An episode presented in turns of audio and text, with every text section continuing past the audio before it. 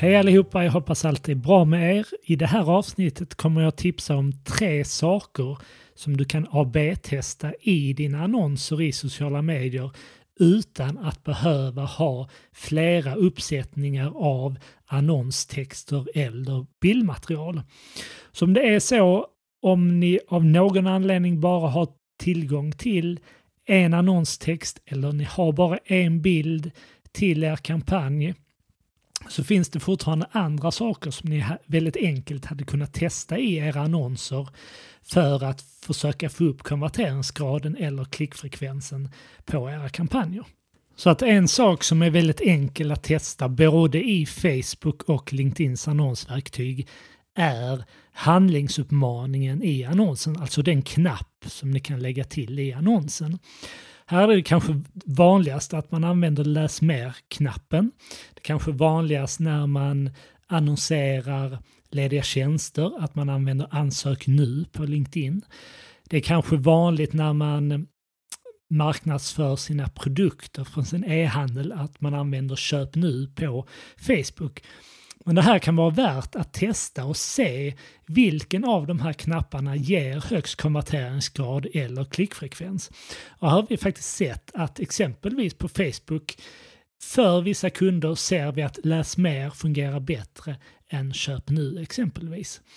Likadant om det är så att ni annonserar lediga tjänster på LinkedIn. Testa att exempelvis variera mellan Eh, en CTA som heter Ansök nu och en som heter Läs mer. Och titta på, är det så att de skiljer sig på något sätt? Testa några kampanjer och ser ni ett mönster i att ja, varje gång vi använder Ansök nu eller varje gång vi använder Se mer så är det någon av dessa som fungerar bättre.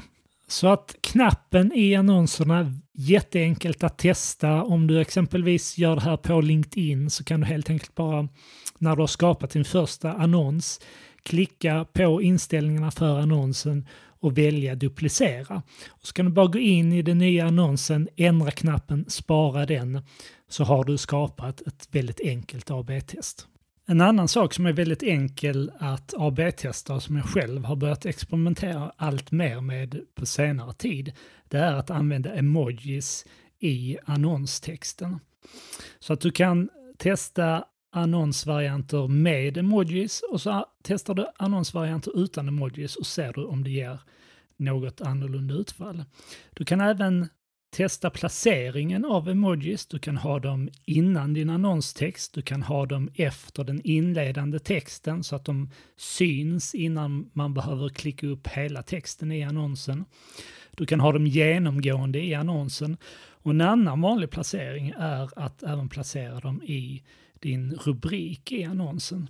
Så det finns en mängd olika sätt att testa emojis. Kanske funkar bättre för vissa varumärken, kanske mer vanligt att olika konsumentvarumärken använder emojis än exempelvis business to business-verksamheter. Så att testa emojis, börja med att testa att ha emojis i din annonstext och testa en annons utan emojis och se om du får någon skillnad i konverteringsgrad eller klickfrekvens. Och då är den tredje saken du kan testa utan att behöva ha flera annonstexter eller bilder, det är helt enkelt att testa olika rubriker. Testa att eh, exempelvis lyfta fram ert erbjudande tydligare. Testa att använda rubriken som finns på den sidan man landar på. Testa att använda siffror i rubriken och se om det ger ett annat utfall. Du kan testa att förtydliga vad man kan förvänta sig för typ av material när man klickar på länken. Är det så att ni hänvisar till en rapport, skriv rapport kolon och namnet på rapporten exempelvis. Det kan även vara att man förtydligar om det är material som exempelvis artiklar, blogginlägg, e-böcker och så vidare. Så att här har du tre väldigt enkla saker att testa.